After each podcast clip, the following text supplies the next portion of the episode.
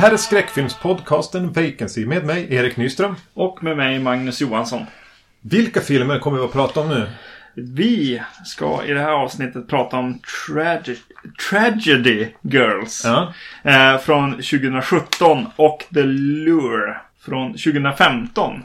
Så har en konstig ordning. Eh, men det är för att eh, vi utgick från att vi skulle se Tragedy Girls. ja. Temat här är väl kanske någon slags systerskap. Ska vi... Ja, det kan väl säga. vi säger så. Yes. Och eh, som sagt då, det är inte kronologisk ordning som vi ofta brukar använda oss av. Utan eh, tragedy... Tr jättesvårt ord. Ja. Det är som när jag ska säga paranormal. Nej. Paranormal tragedy. Paranormal tragedy. Hoppas aldrig den Tragedy. filmen kommer. Nej, precis. Tragedy Girls. Från 2017. Regi Tyler McIntyre. Är en high school-film skulle man väl kunna säga. Om två bästa kompisar. Sadie och Michaela. Som är både fixerade vid, vid kändisskap, eh, status och även eh, seriemördare och eh, ond bråd död.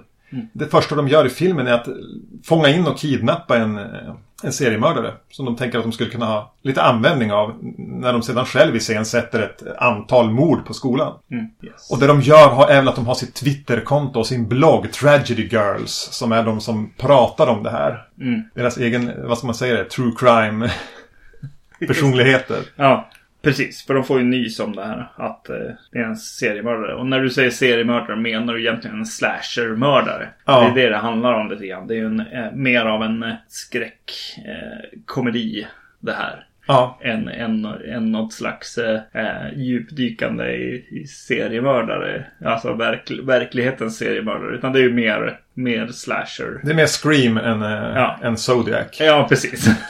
yes. Det vi pratar om här. Absolut. Men bara, kan du ge någon bakgrund varifrån du fick tag i den här filmen? Ja, alltså det... Nej, jag bara fick börja höra om den lite grann. För jag hade aldrig hört talas om den. Nej, det var från lite folk som jag känner i Stockholm som började prata om den. Mm. Eh, och att de skulle se den och så. Ja, en av dem är i och för sig den som har släppt den. Jobbar på stället som har släppt Blu-rayen här, men eh, yes. Och eh, sen började den dyka upp på någon podcast jag lyssnar på Mm. också. Så att, eh, ja men det, det kanske är värt. Folk kanske vet, vet något om den här filmen. Ja, för mig var det eh, helt okänt. Så det var lite spännande. Mm. Jag kollade upp den här Tyler McIntyre. Han har gjort en, några kortfilmer tidigare, men en film som kom i 2015 som heter Patchwork som lät ganska kul. Jag läste upp Mm. premissen för det. Om tre tjejer som blir ihopsydda till ett Frankenstein-monster. De måste liksom lära sig komma överens och sen söka hem på den som har gjort det. Just det. Något sånt var det. Ja. Eh, skitsamma. Mm. Tragedy Girls sätter ju premissen ganska snabbt från början här. Mm. Där de, alltså hur många minuter har det gått innan de har använt sig av en kille eh, som ett slags bete. Eh, eller sig själva och killen som bete. Ja. Han blir mördad. Eh, de fångar slashermördaren. Ja, jo, precis. Den se- sekvensen eh, som öppnar filmen är ju väldigt, väldigt klassisk liksom. Eh, sl- Slashermord. Ja, det känns som något från Urban Legends. Ja, precis. Eh, absolut. Jo, man, man, man tänker på de 90-tals-slashersarna definitivt. Men det är, det är en av de här tjejerna och en kille som, som sitter i en bil och hånglar lite. Och så hör de någonting. Och hon, hon eh, ber han undersöka det. Mm. Men ganska snabbt så f- de använder väl f- snubbeltråd och någon taser eller någonting och, fång- och låser in och binder ihop den här han, vad han nu hette? Ja. Lowell. Lowell någonting. Ja. Mm. Eh, och där är vi efter 5-10 minuter. Mm. Jag verkligen bara, okej nu har vi och så ska de som tillbaks till, till high school. Jag har ingen aning om vart filmen ska ta vägen. Nej, just det. Nej, eh, det är lite kul också för att den se- sekvensen när de väl har han fångad och, och den här killen som var lockbetet var där också. Mm. Eh, ligger, ligger död på ett bord kanske. Och, och, eh, och den dialogen som sker där är ju avslöjandet i slutet av en, en film. Ja men lite så här slutet på första Scream-filmen. Ja, man får precis. veta vem det är som är mördarna. Ja, lite kul. Mm, för jag var verkligen just när den scenen var klar. Var fan ska vi nu? Mm.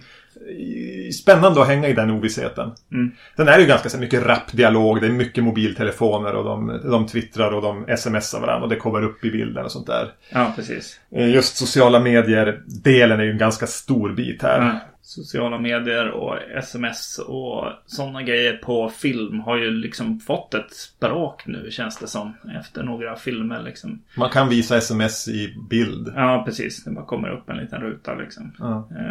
Här använder de sig till och med att det kommer så hjärtan från telefonerna. När, Ja. de, när de får mycket reaktioner på det. De, om de har delat någon video eller någonting. Mm, mm. Det är Ja, inte så att det känns så här, spru- åh vad, fa- alltså, vad fantasifullt. Utan det känns mer som en standard. ja, det är så man gör nu. Ja. liksom. ja. eh, och sen så börjar de ju liksom försöka snacka om den här eh, försvunna eh, killen och sånt. Men de får som problem med att alla mord bortförklaras lite grann av polisen i, Ja. i, i staden. Och man vill inte riktigt i, i staden att det ska vara någon som är mördaren liksom. Utan de, de hittar alltid på att nej men det kan ju vara en olycka på det här viset och Ja. sådär. Det här är nog bara någon som har rymt hemifrån. Det är Ja. vad vi tror. Ja, precis. Vilket gör att de blir besvikna för de vill, de vill ha igång den här seriemördar-hypen. Mm. Och så triggar de att begå fler mord. Precis. Ja, exakt. Just för att eh, få mer likes också. Mm. För att det är ingen som vill, vill lyssna på några som bara ser mord överallt. Mm. Där det inte finns några. Utan ja, de behöver skapa dem och göra dem mer, mer och mer elaborate. Så då riktar de in sig på, ett, på, på sådana som de stör sig på. Det kan vara någon annan elev eller någon lärare eller någonting. Mm. Som de på något sätt blir provocerade av. Så tänker de att det där får bli nästa offer. Ja. Så får, får vi följa dem genom hur de eh, utför morden. Smsar med varann. Lever ett high school-liv. Det kommer in något kärleksintresse också. Mm. Och det är väl lite det den vill prata om. I viss mån just bekräftelsen via sociala medier. Ja. Biten. Eller in- det är väl inte bara det, men det är en, en del av filmens eh, toner. Precis. Narcissismen via sociala medier, som ju inte är jätteintressant. Alltså, den har ju ingenting att säga om det direkt. Det är det jag känner mycket.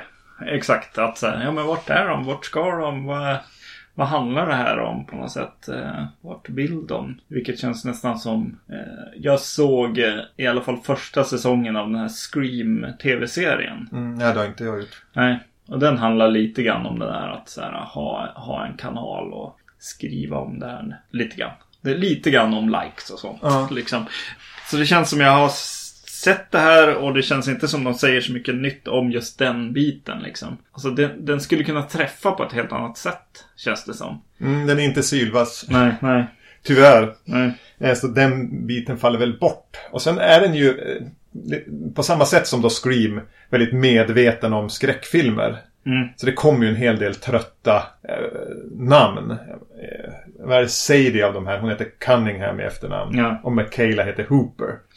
Samtidigt så jag brukar nästan sucka högre än Mm. vad jag gjorde här åt det där. För här, det är så slentrian. Ja, precis. Jo. Det är nästan som att de har tagit ett varv till. Och, Ja. och kan säga, jo, så kommer ni väl ihåg att när man gör eh, skräckfilmer så ska man eh, döpa karaktärer efter skräckfilmsregissörer. Ja, precis. Alltså nästan dumma sig åt det. Fast Ja. det kan vara något jag läser in som inte finns där egentligen. Nej, precis. Nej. Men av någon anledning blev jag inte provocerad av det som jag har blivit de senaste 20 åren efter Scream. Nej, utan det är som bara en aspekt som ska vara med. Det är Ja. ju som en av, av eh, de här kärleksintressena också som, som eh, försöker eh, locka med att han är intresserad av mer europeisk skräck numera. Mm. De droppar Martyrs och Dario Argent och... ja, precis. Och eh, det känns också bara som att ja, men det här måste ju vara med. Mm. bara. Jag vet inte riktigt hur den gör det, men den lyckas göra det utan att jag blir irriterad. Ja, jo. Sen gör de ju några sådana så visuella gags också som känns så här. Ja, men okej, här ska, ska du tänka på den här filmen och sånt. Tänker du på något särskilt? Jag tänker på eh, Cannibal Ferox upp... Eh, Ja, det är nog Holocaust. ja, Holocaust ja. Cannibal Holocaust. Eh, Spetsad på ett spets- otrevligt sätt. Ja, precis. Spetsningen som, som dyker upp och sådär. Det finns no några sådana grejer. Och det känns också som de på ett sätt avhandlar och dö- försöker döda och sen återuppliva slasher-genren lite va. Just med att de har den här Michael Myers eller Ja. liksom Jason Voorhees-karaktären som de liksom låser in i ett rum. Medan de är de nya Mm. slasher-mördarna på något sätt. Men jag tycker inte riktigt att jag fick grepp om vad han gjorde om man ens behövdes i filmen. Är det kanske något som fungerar bättre på papper? Att de fångar in och låser in och nu tar vi över för vi är... Det är ungdomarnas narcissism som är det obehagliga nu för tiden. Ja, precis. Det är inte den, den vuxna främmande mannen i skuggorna. Utan det, han kan vi låsa in. Men ja, då kanske de skulle haft en annan skådespelare. Det vad heter han? Kevin Durand. Ja, just det. Han, han var med i Lost. Mm. Han är ju stor som ett hus och ser lite ut som han eh, från Scream. Alltså han ser ut som en, en, en vuxen eh, redneck-version av eh, Matthew Lillard. Ja, just Han har några drag som påminner Ja. om han. Som är alldeles för uttrycksfull och på ett negativt sätt skulle jag säga. Han, han skådespelar för mycket, han pratar för mycket. Han blir inte den anonyma slashermördaren utan han blir mer en, Nej, precis. en svärande, fräsande babbelkuse. Mm. Som är inte riktigt som att det är någonting han säger spelar någon roll. Mm. Kanske får han för stort utrymme. Ja, Precis. det Han, faller lite platt. han funkar lite bättre när han återvänder ibland så här och säger bara någon kort liksom mening. Ja, jo. Det är sant. Och det var nog rätt. Han fick lite för mycket där i början. Så att han blev inte de- den gamla slashermördaren som man låste undan. Ja, han blev mer någon från Scream. Ja, jo. Det skulle kunna ha varit Matthew Lillard i karaktär i Scream. Precis, men det kanske är... Ja, vi kanske pratar om 90-talets slasher. Ja, just det. Vi, vi som är gamla bara. Precis. Som, som den, den gamla slashermördaren helt enkelt. Vi skrattade till ibland. Ja, det gör man. Framförallt, alltså höjdpunkten tyckte jag var, vad heter det, Josh Hutcherson. Eh, som spelar Toby. Alltså han som spelar Pita i Hunger Games. Dyker upp som mer den här eh, Ja, ja. Mm. motorcykel... Eh, Tänk James i Twin Peaks. Ja, precis. Ja, ja, precis. Eller den här klassiska Marlon Brando-karaktären. va? Vit t-shirt, åka Ja. motorcykel och tänka. Ja, precis. Jo, han är faktiskt rolig. Ja, Och, och han, för han, de blir irriterade på honom för han har blivit, får mer likes än dem. ja precis. Som den här brooding eh, ung rebell. Han är riktigt bra som det också. För han ser inte riktigt ut som det heller. Nej. Utan det är bara, Att han bara spelar. acting. ja. Ja. det är nästan det bästa när han bara kör motorcykel. Ja. Och de har närbild på hans här, svåra ansikte. Det är faktiskt jätteroligt. Precis. Som nästan går från hans normala till det här Ja. brooding-ansiktet. bara för att göra en poäng av det. Ja. Ja, Han var väldigt rolig. Tyvärr lite för snabbt bortkopplad. Mm, För sen finns det ju en till, det här kärleksintresset. Ja, Vad heter han? Jay. Jordan. Hon kallar honom för Jay. Eller, ja just det. Ehm, som spelas av en som är alldeles för gammal. Alltså han ser ju nästan ut att dra mot 40. Jag Ja. kollade hur gammal han var. Han var 25. Ja, just Men han det. ser ut som 35. Och även, jag tyckte han såg ut som Tobbe Trollkarl. Jag satt i större delen av filmen och funderade vem han påminner mig om. Just det. Jättetråkig. Ja. Och jättedålig är han. Mm. Som ska vara den lite grann relaterad, alltså fina killen. Han som gillar europeisk Mm. skräckfilm. Och, och, men är som en fin kille. Jag tycker han funkar i bö- början tror jag. Men sen så får man mer syn på honom. Eller Mm. mer pejl på honom och då, nej, eh, funkar inte riktigt.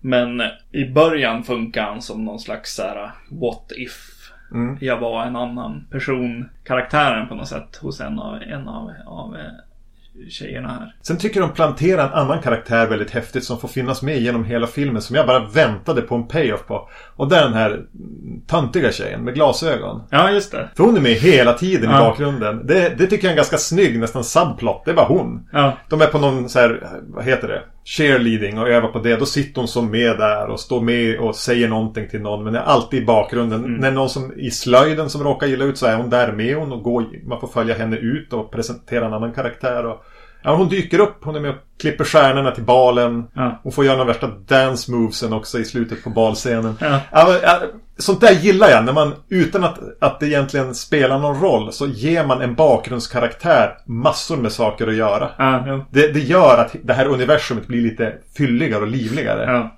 Jag tyckte hon var bra. Ja, hon var bra och eh, ja, det är snyggt det där. I slutet också. Att, att här, ge lite highlight till, till henne där i slutet. Hon får ju som bara lite, lite koppla ihop scener också. Ja, jo. Ehm, och inspirerat. Ja, precis. Jo. Men som sagt var, det, det, jag är inte jätteimponerad här. Men jag tycker ändå att både, nu har jag skrivit ner namnen här. Brianna Hildebrand spelar Sadie. Hon är rätt okej. Det är en blond ackord. Mm. Och Alexandra Shipp som Michaela. Framförallt hon har en charm.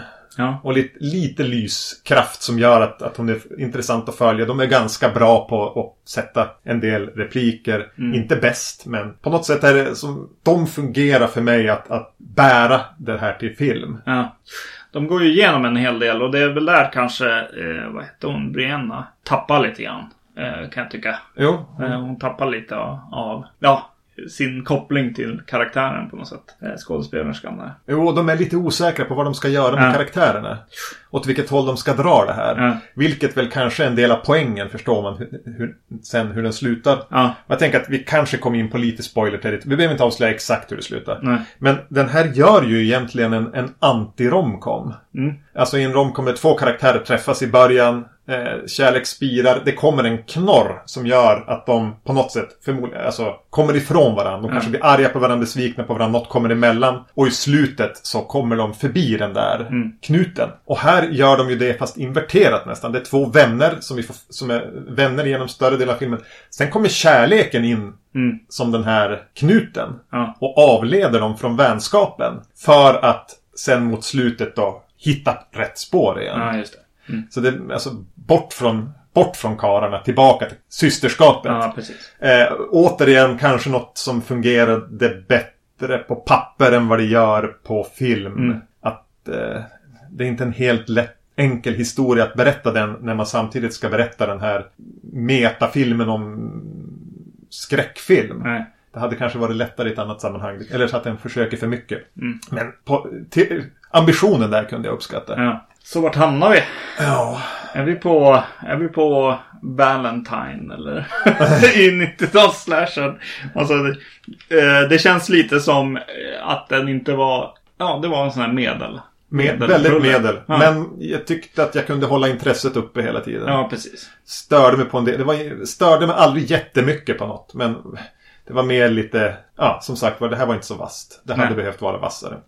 Och vi har ju i princip inte nämnt någonting om filmskapande som vi ibland brukar göra. Alltså Mm. hur den ser ut eller hur den är filmad, klippt, eh, musik eh, och sånt. Det finns inte riktigt, Nej. skulle jag säga i den här. Utan den är väldigt... Eh, Väldigt polerad. ja, precis. Jo, det är väl det. I, 90-tals slasher fast vad det skulle vara nu liksom. Lite grann. men ser lite ut som Scream 4 då. Ja, just det. Mm. Ja. Jag är ändå nyfiken på den där Patchwork. Ja, just det. Ja, jo. Eh, vänder vi på bladet här och eh, pratar om The Lure. 2015.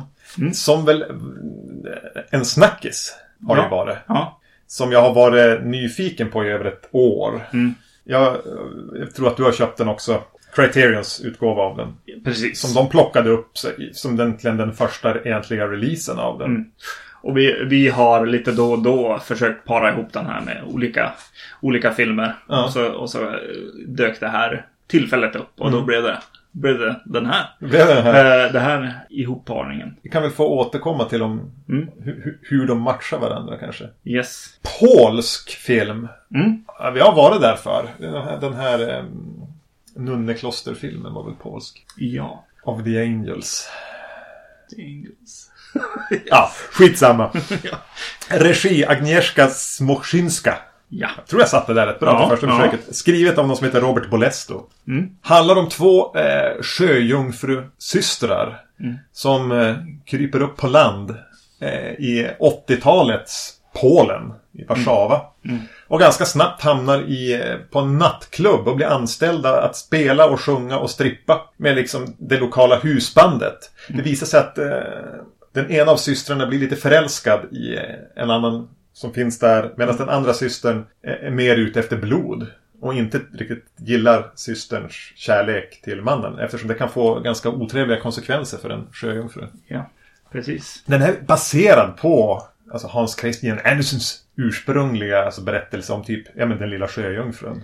Ja. Som, det verkar väl vara den historia man ska berätta om en sjöjungfru så handlar om att de ska krypa upp på land. Eh, jo, precis. Det blir ju väldigt tydligt. Eh, känns det som. Den går igenom. Jag har glömt nämna en detalj. Mm. Det är en musikal. Ja, det är det. yes.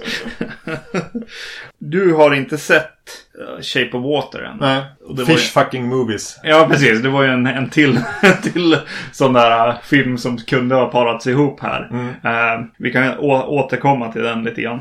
men det, det de har gemensamt är ju att det, det handlar till viss del om, om det här att musikal eller alltså film, ja men sättet att göra film på. Mm. Egentligen det handlar i, i sig om stil. Mm. Kanske. Det är väldigt mycket stil. Ja. Och eh, den öppnar ju pang på det här bandet som vi börjar, som de kommer att spela med mm. senare. Det är liksom en bunt karaktärer i den här filmen. Men det är också bara dem. Känns mm. det som. Det är en ganska liten värld. Ja, precis. Men, men det är ändå liksom motför Shape of Water så är det liksom kanske 12 personer eller något sånt liksom mm. känns det som i alla fall i den här. Hur många är det i Shape of Water? Ja, där är det i princip liksom, vad kan det vara, fyra, fem, alltså mm. sex kanske på max som vi pratar om liksom i, i den filmen. Uh, så det blir lite, lite större på något sätt. Och så att det är en, liksom en strippklubb mm. som det utspelar sig är ju att det blir ju befolkat. Liksom, jo,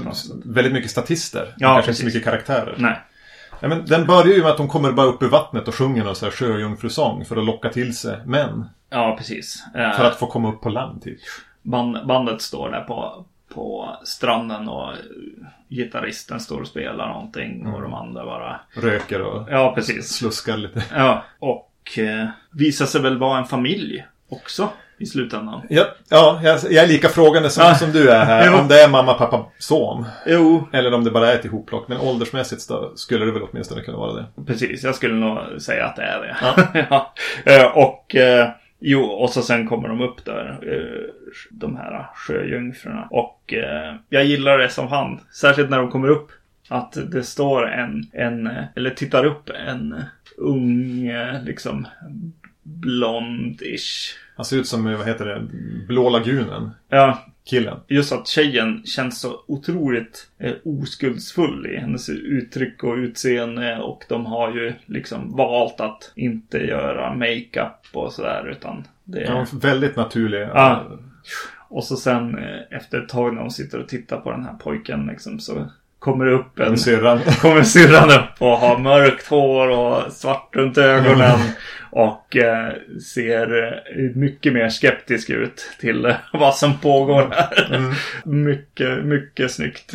Eh. Och hela den scenen hur den, ja men de börjar leta sig ut i vattnet och sträcker som händerna mot oss. Medan mamman eller kvinnan i det här bandet mm. har som börjar leta sig därifrån. Tillbaka till nattklubben tänker man. Mm. Så vänder hon sig tillbaka mot vattnet och får se. Och bara skriker och så klipper det. Mm. Ja, det är en jävligt häftig början. Ja. Och sen kommer det direkt på så får man se hur hur de är och spelar. Alltså det här trion. Ja. Den scenen. Mm. Som börjar med att hon har något framträdande och sjunger något. Så på polsk syntpop. Ja. Eh, och, och, kameran som bara åker genom det här superstiliserat öststats 80-tal. Mm. Med typ sluskfarbröder som står och, och smådansar med fula mustascher. Och, så får vi följa en som är typ nattklubbsägaren eller vad det kan vara. Mm. Som sluskigast av dem alla. Ja. Som bara, vad fan är det som luktar? Och så börjar han leta sig igenom hela den här nattklubben. Och det är inte så att det är en enda tagning. Men känslan är lite en enda tagning. Mm. Han går som att... Vad fan, det luktar ju typ fisk. Och så börjar han gå, gå igenom olika... Vi får se hela nattklubben. Vi går igenom köket till och med. Han frågar där. Vad, vad är, vad, vi lagar ju mat. Alltså, vissa av karaktärerna halvsjunger sina repliker eller dansar. Och, mm. så som in i bakkorridorerna.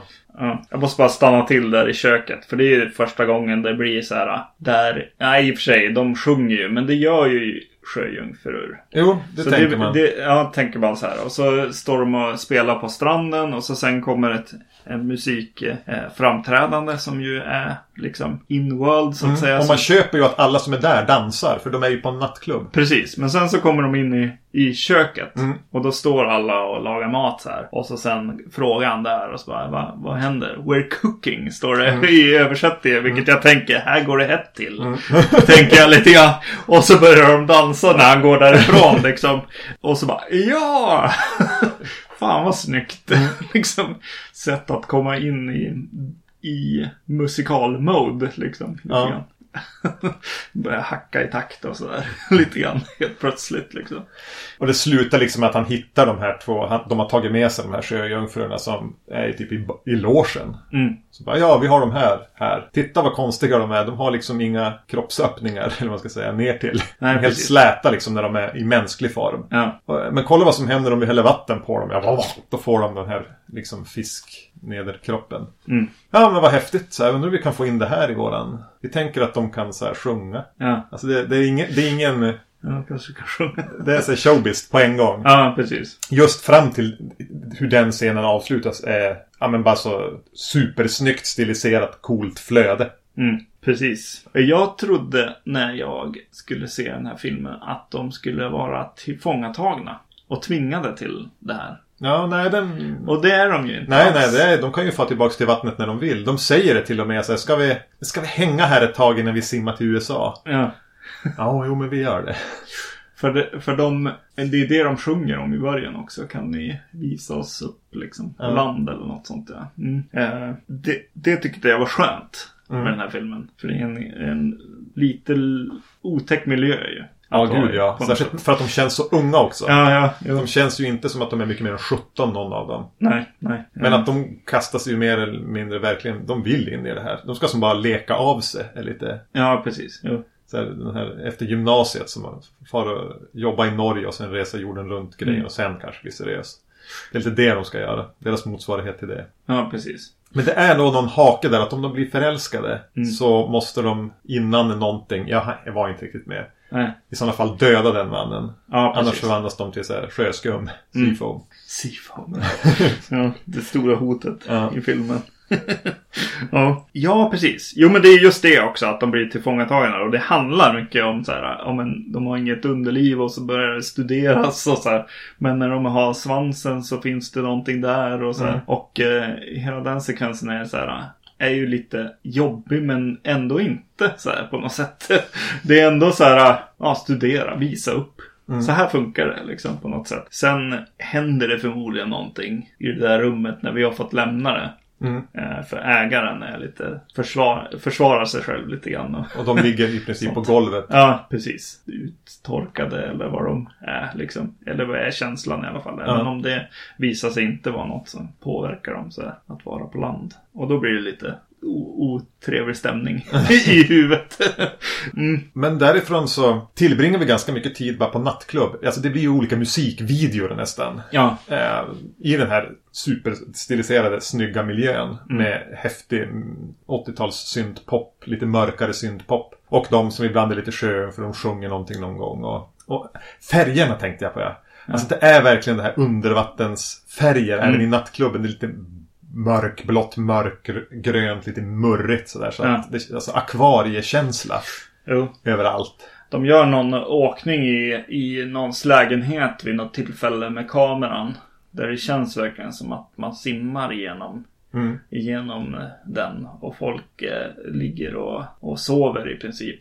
Och eh, det känns nästan som att de svävar i, i vattnet liksom. Ligger och skvalpar liksom. Mm. Eh, mycket häftig sekvens. Ja, i det här. Ja, precis. Just det. Och det är ju musikal i det här lite mörka. Mm. Eh, som är grejen med filmen. Ja. Helt klart. En, en socialrealistisk musikal eller någonting. Ja, fast samtidigt väldigt stiliserad. Ja, men som Ja, musikal är. Jo, precis. Jo, såklart. Jo. Det som det blev ett litet problem, kanske blir bättre om man ser den flera gånger, men det var ju inte superstarka låtar. Nej. nej. Coola låtar just i, i soundet. Men det är inte så att, alltså att bara, åh den där vill jag höra igen, känslan. Nej, nej, det är sant. Eh, och det blir väl, ja, ett litet problem. Det handlade mer om vad som sades än Mm. hur. Höll jag. Jo. Ja, jo. Och då blir det ju det att man inte kan polska, så blir man så bunden vid att läsa texten. Ja, Så att det, det haltar lite grann där. Det kanske blir bättre om jag får faktiskt höra de sjunga och vad låten säger. ja, precis. Så där hamnar man ju på eh, lite off. Mm. Tänker mig att det, tar bort lite av effekten det annars hade kunnat ha. Ja, jo precis. Jag tänkte ju på eh, Låt den rätte komma in ibland. Mm. Eh, när jag såg på filmen och tänkte på så här, undrar hur det känns om man är polsk liksom. Mm. Jo men det känns, jag, jag tänkte också på den. Det är Mm. någonting med bara hur den, den här förhåller sig till, på något sätt till sjöjungfrurna på samma sätt som den förhåller sig till en vampyr. Ja, jo. Och att det är 80-tals... eh, Ett mö- mörkt 80-tal. Ja, precis. Jo. Väldigt, men samtidigt väldigt stylish. Och ja, får du grepp på vad det är den pratar om? Alltså jag får ju ändå känslan av att de här två systrarna symboliserar någonting. Som har med synen på kvinnan att göra. Och, och lite grann att, jag var inne på att den här mamman, ska vi kalla hon för det? Ja. Att de här egentligen är nästan knutna till henne. Ja. Hur hon kan välja att vara. Mm. Att de som en ond, en god. Men ja, vem går det bättre för? Ja, vem gör rätt? Vem tänker rätt? Vem blir ett offer? Ja. Hur ska man förhålla sig till, till, den, Mm. till männen här? Det är ju någon drömsekvens också där hon ammar dem. Ja, precis. Som tänk, där någonstans var jag i vad den ville prata om i viss mån. Mm. Och, eh, samtidigt att väva in det i det här stylish sägen musikal. Jo, för vi kommer ju sakta in i den här familjen Mm. i, genom filmen. Eh, först är det många, många karaktärer och det blir mycket om, om eh, alltså man, man hakar upp sig eh, kring de här sjöjungfrurna. Mm. Helt enkelt eftersom att man följer dem hela filmen såklart. Men det första, den första bilden i filmen är på den här familjen. Ja. Och det, den landar ju där någonstans känns det som också. Det kommer ett mitt, mittparti där vi verkligen djupdyker i deras liksom, familjedynamik som ju inte är bäst. Nej. Helt klart. Och någonstans tänker jag mig att det är den här, alltså egentliga huvudkaraktären kanske är mamman där. Ja. Och att de här mer bara är delar av ja, men det hon hade, var, har varit eller kan vara eller Mm. ja, det hon brottas med. Ja. Eh, i, no, I någon mening är Mm. det så. Jo. jo, så är det. Mm. Det har du nog rätt i. Absolut. Eh, för det blir ju, det är ju mycket. Det är mycket i som blir symboliskt. Det är ju framförallt deras look, tycker jag. Alltså deras sätt att vara. Eh, eller inte deras sätt att vara, utan det i relation till det, deras look. Liksom. Mm. De bara, ja, du ska se ut så här för att du är så här. och så. Och då blir de ju ikoner. Lite, lite Ja. så här av två, eh, två sidor kanske där om, av kvinnan. Och, mm. De är ju jävligt välkastade. Ja, mm, mycket bra. Både look och liksom hur de hanterar sin, sin del av rollen med de rollerna där. Jag har inte ett namn på någon av de här två Nej. de här kvinnorna men Nej. hade förmodligen fått problem att uttala det ändå.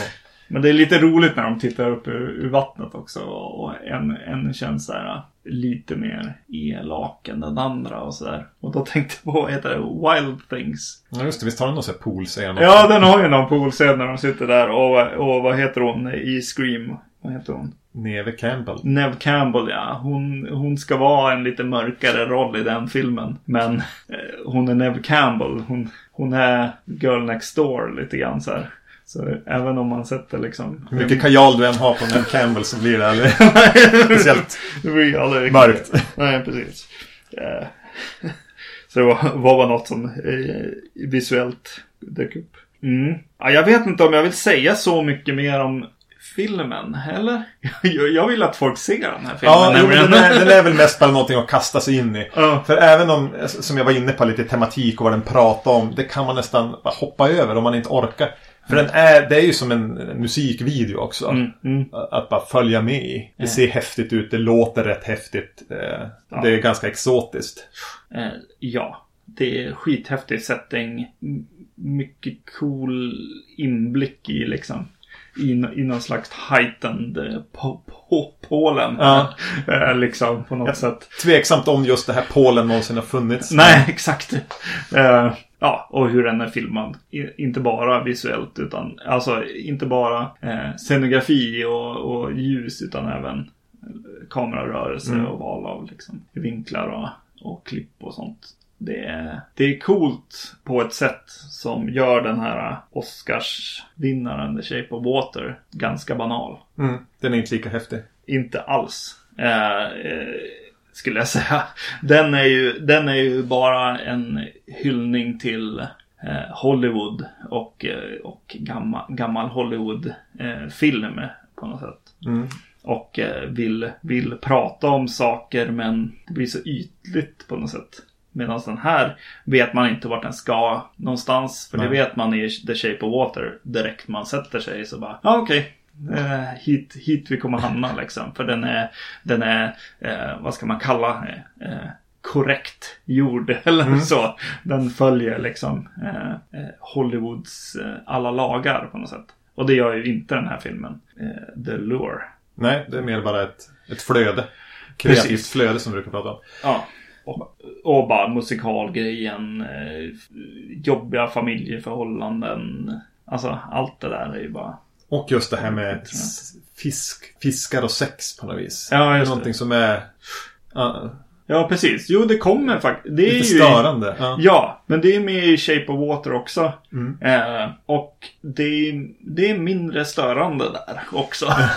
de, de tar inte tag i det egentligen sådär. Eh, utan det blir ytligt. No pun intended. Här går vi på djupet. ja, den här går lite mer på djupet. Eh, mm, jag gillade den här filmen. Ja, jag håller... Ska vi nu jämfara den med, med, med Tragedy Girl så är ju det här det man ska se. Ja, jo. Jag sorterar ändå in den ganska både tematiskt och alltså med uh, A Girl Walks Home Alone at Night och uh, Love Witch. Mm. Där, har du, där har du en filmkväll. Just det. Jo. De tre. Mm. Att den rör sig i det, de, Ja. de kretsarna. Ja, precis. Och även om vi nu ska... det- Blev det då någon slags tematik med Tragedy Girls? Ja, det tyckte jag. Ja, Men- ja mer än vad jag trodde kanske. Yes, yes. Eh, Jag tyckte att, att du tog upp den här filmen funkade. Mm. Absolut. Sys, sys, systerskapet Ja. helt enkelt. Ja. Och, och hur det är i relation till eh, kärlek till män och annat liksom. Eh, Annat, andra störmoment. ja, precis. Ja. Ehm, mm, eh, var det någonting mer vi ville ha sagt här? Om någon av de här två filmerna? Förutom att det är The Lure man ska se om man bara ska se en av dem. Mm, precis, den ska man ha i hyllan tycker jag. Hon här, Smoszynska, har ju då gjort en eh, del i någon film som hette någonting of Evil. Ja, Uh, book... Ja, precis. Ja, vad den nu hette. ah, skitsamma. Det är någon antologifilm som kommer 2018 som, som hon har gjort en av seg- segmenten i. Och Peter Strickland har gjort ett annat segment i. Mm. The Guidebook to Evil. Ja. Heter den så? Mm. Precis. Som, nej, vi kommer inte att göra den som eh, antologifilm i år. Eller?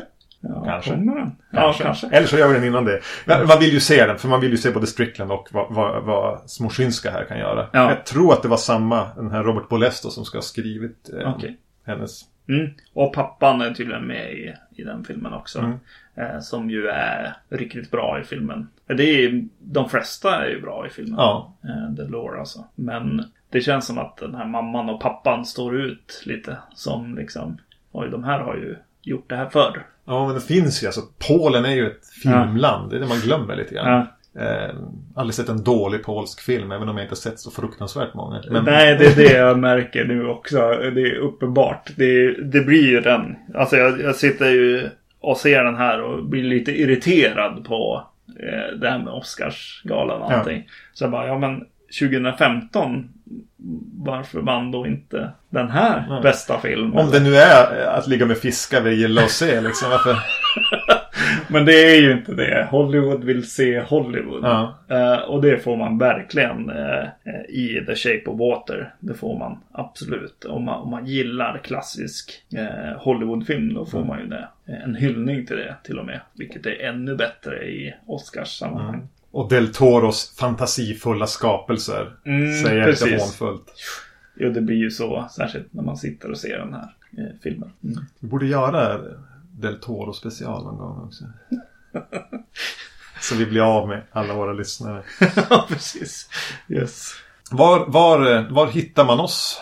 Det gör man på vacancy.se, vår hemsida. Podcast at vacancy.se kan man skriva in till. Med frågor, rekommendationer och så vidare. Eh, skriva in får man gärna också göra på Facebook som kommentarer på de här avsnitten vi gör. Och, Det går bra att skicka meddelanden där också. ja, precis. Och likes och allt det där. Eh, iTunes finns vi på. Eh, många ställen där det finns podcast. Det är bara att kolla, söka efter oss. Ni hittar oss. Ja, ni har ju hittat oss uppenbart. men Kanske era, era kompisar behöver hitta, Ja. hitta oss. Yes. Eh, och eh, just det, vi har börjat säga våra Instagram-konton också för att de är ganska relaterat till podden ändå. Eh, jag heter at eh, Zombiemagnus. Erknym, är jag. Mm. Yes, ja då hörs vi nästa gång. Ja men precis. Tack för att eh, ni lyssnade. Yes. Hej. Hej.